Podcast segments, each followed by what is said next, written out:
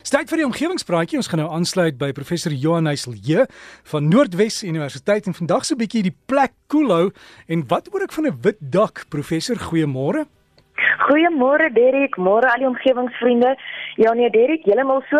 Dit is as gevolg van al hierdie hittegolwe wat ons land deesdae so tref, wat mense nou al hoe meer begin soek na energie-effektiewe oplossings om die temperatuur binne die huise te beheer. So ek gedink vanoggend dat ons bietjie daaroor gesels. Nou as mens dink ligversorgers is nou maar 'n duur opsie en wanneer dit nou werklik 'n hoë temperature bereik, dan is ons dakwaaiers of ons staanwaaiers nie altyd so effektief nie. Maar nou een opsie wat ons egter kan oorweeg en wat nou in elk geval baie meer omgewingsvriendelik is as ligversorgers, is dan nou om die kleur van jou huis se dak te verander. So as mens na 'n normale blink sinkdak kyk, dan word so 'n dak kokend warm in die somer. Maar as jy daardie selfde dak wit sou verf, dan sal die temperatuur van die dak merkwaardig verlaag en selfs tot so 'n mate dat dit 'n reuse verskil kan maak in die binnetemperatuur van die huis.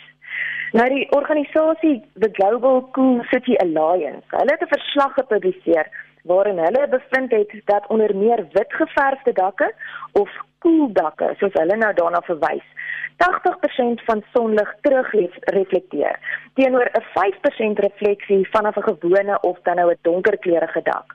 So volgens hulle statistiek sal 'n gewone donkerkleurige dak die huis met tot 4.5% verwarm, terwyl 'n wit geverfde dak die huis met 1.5% sal verwarm. So hulle daarop wys dat koeldakke ook die jaarlikse netto energieverbruik wat dan nou benodig word vir die verkoeling binne in 'n huis met 10 tot 20% kan sny wat natuurlik 'n baie groot bedrag uitmaak van die maandelikse munisipale of ons uh, elektrisiteitsrekening. En verder wys hierdie verslag ook baie duidelik hoe belangrik dit is dat ons stede begin kyk na die implementering van wit dakke maar op 'n groot skaal ten einde ons stedelike hitte-eiland effek teen te werk. So hulle navorsing wys dat die buitelugtemperature in 'n stad tussen 5 en 9 grade Celsius hoër is as die omliggende plattelandse gebiede wat weer 'n enorme impak het op menslike gesondheid en ons energieverbruik en ons omgewing omdat hierdie ekosisteme onder baie meer druk geplaas word en die frekwensie en die duur van hittegolwe en lugbesoedeling sodoende vererger. Nou as mens dink dat 60% van stedelike oppervlaktes bedek word deur of dakke of sypaadjies dan beteken dit ons kan 'n enorme verskil maak deur die temperatuur van hierdie oppervlaktes te beheer. Weet ek maar in die week gesels ek met Prof Kobus van der Walt, ons voormalige omgewingspraatjie aanbieder. En hy vertel my toe nou hoeka dat hy het self sy eie huis se dak ook wit geverf so 'n paar jare gelede. En nou wanneer die buitetemperature hier in Potchefstroom so aan die 40 grade Celsius begin raak, dan is dit steeds binne in sy huis heerlik koel. En ek weet mense skram soms weg van dakverf omdat daar 'n persepsie is dat mens elke 2 tot 3 jaar jou huis se dak sal moet verf. Maar deesdae is daar verskeie tipes verf en van hulle word selfs vir 15 jaar gewaarborg. En hierdie spesiale dakverf het dan ook 'n spesiale tekstuur wat help om die son se warmte weg te kaats. So hierdie spesiale dakverf hoef dan nou ook nie noodwendig spierwit te wees nie. Dit kom in verskeie pastelkleure voor wat dan nou bykans net so goed werk soos 'n spierwit dak. Maar um, Prof Kobus is dan ook deel van 'n navorsingsspan waar hulle besig is om hierdie wit dak teorie te toets vir industriële doeleindes. En hulle doen dit deur dakke van hoenderhokke wit te verf om dan nou te kyk wat is die invloed van hierdie wit dakke op die energiebehoeftes en ook die produksiekoste van die hoenders. Nou hierdie hokke wat hulle toets is groot hokke met ongeveer 35000 hoenders per hok. So mense kan nou dink dat so 'n spul hoenders op mekaar regtig 'n groot klomp warmte genereer wat dan nou dit 'n ideale navorsingsprojek maak om te kyk wat die impak van hierdie wit dakke is. Hy vertel dat die meganiese ingenieurs op die oomblik besig om elke denkbare veranderlike binne in daardie hoenderhokke te monitor en die aanvanklike resultate lyk blykbaar baie goed wat wys hoe die energiebehoeftes merkbaar afgeneem het nadat hierdie dakke nou wit geverf is.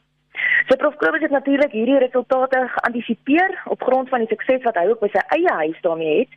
Maar hy sê ook vir my daar's so een negatiewe gevolg van so 'n wit dak en dit is dat die temperatuur binne in 'n gebou dan ook in die wintermaande so 2 grade laer is as buite. So hier in die lentetyd as mense al lekker kaal arms buite rondloop, dan as jy in die huis ingaan, dan moet jy maar nog steeds 'n ligte truitjie aantrek.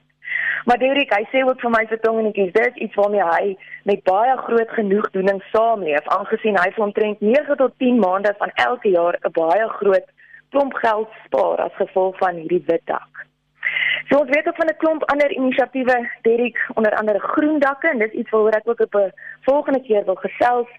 Maar vandag, dan nou as 'n groen gedagte, Onthou, wit dakke of koel dakke kan 'n baie omgewingsvriendelike en 'n ekonomiese antwoord wees om die temperatuur binne in die huis te verlaag.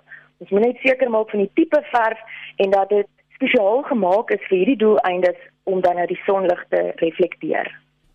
En as jy nie weet watter verf om te gebruik nie, vra jou verfwinkel, hulle sal vir jou kan kry verseker Derek, daar is regtig 'n hele paar verskeidenheid en die mense is baie behulpsaam.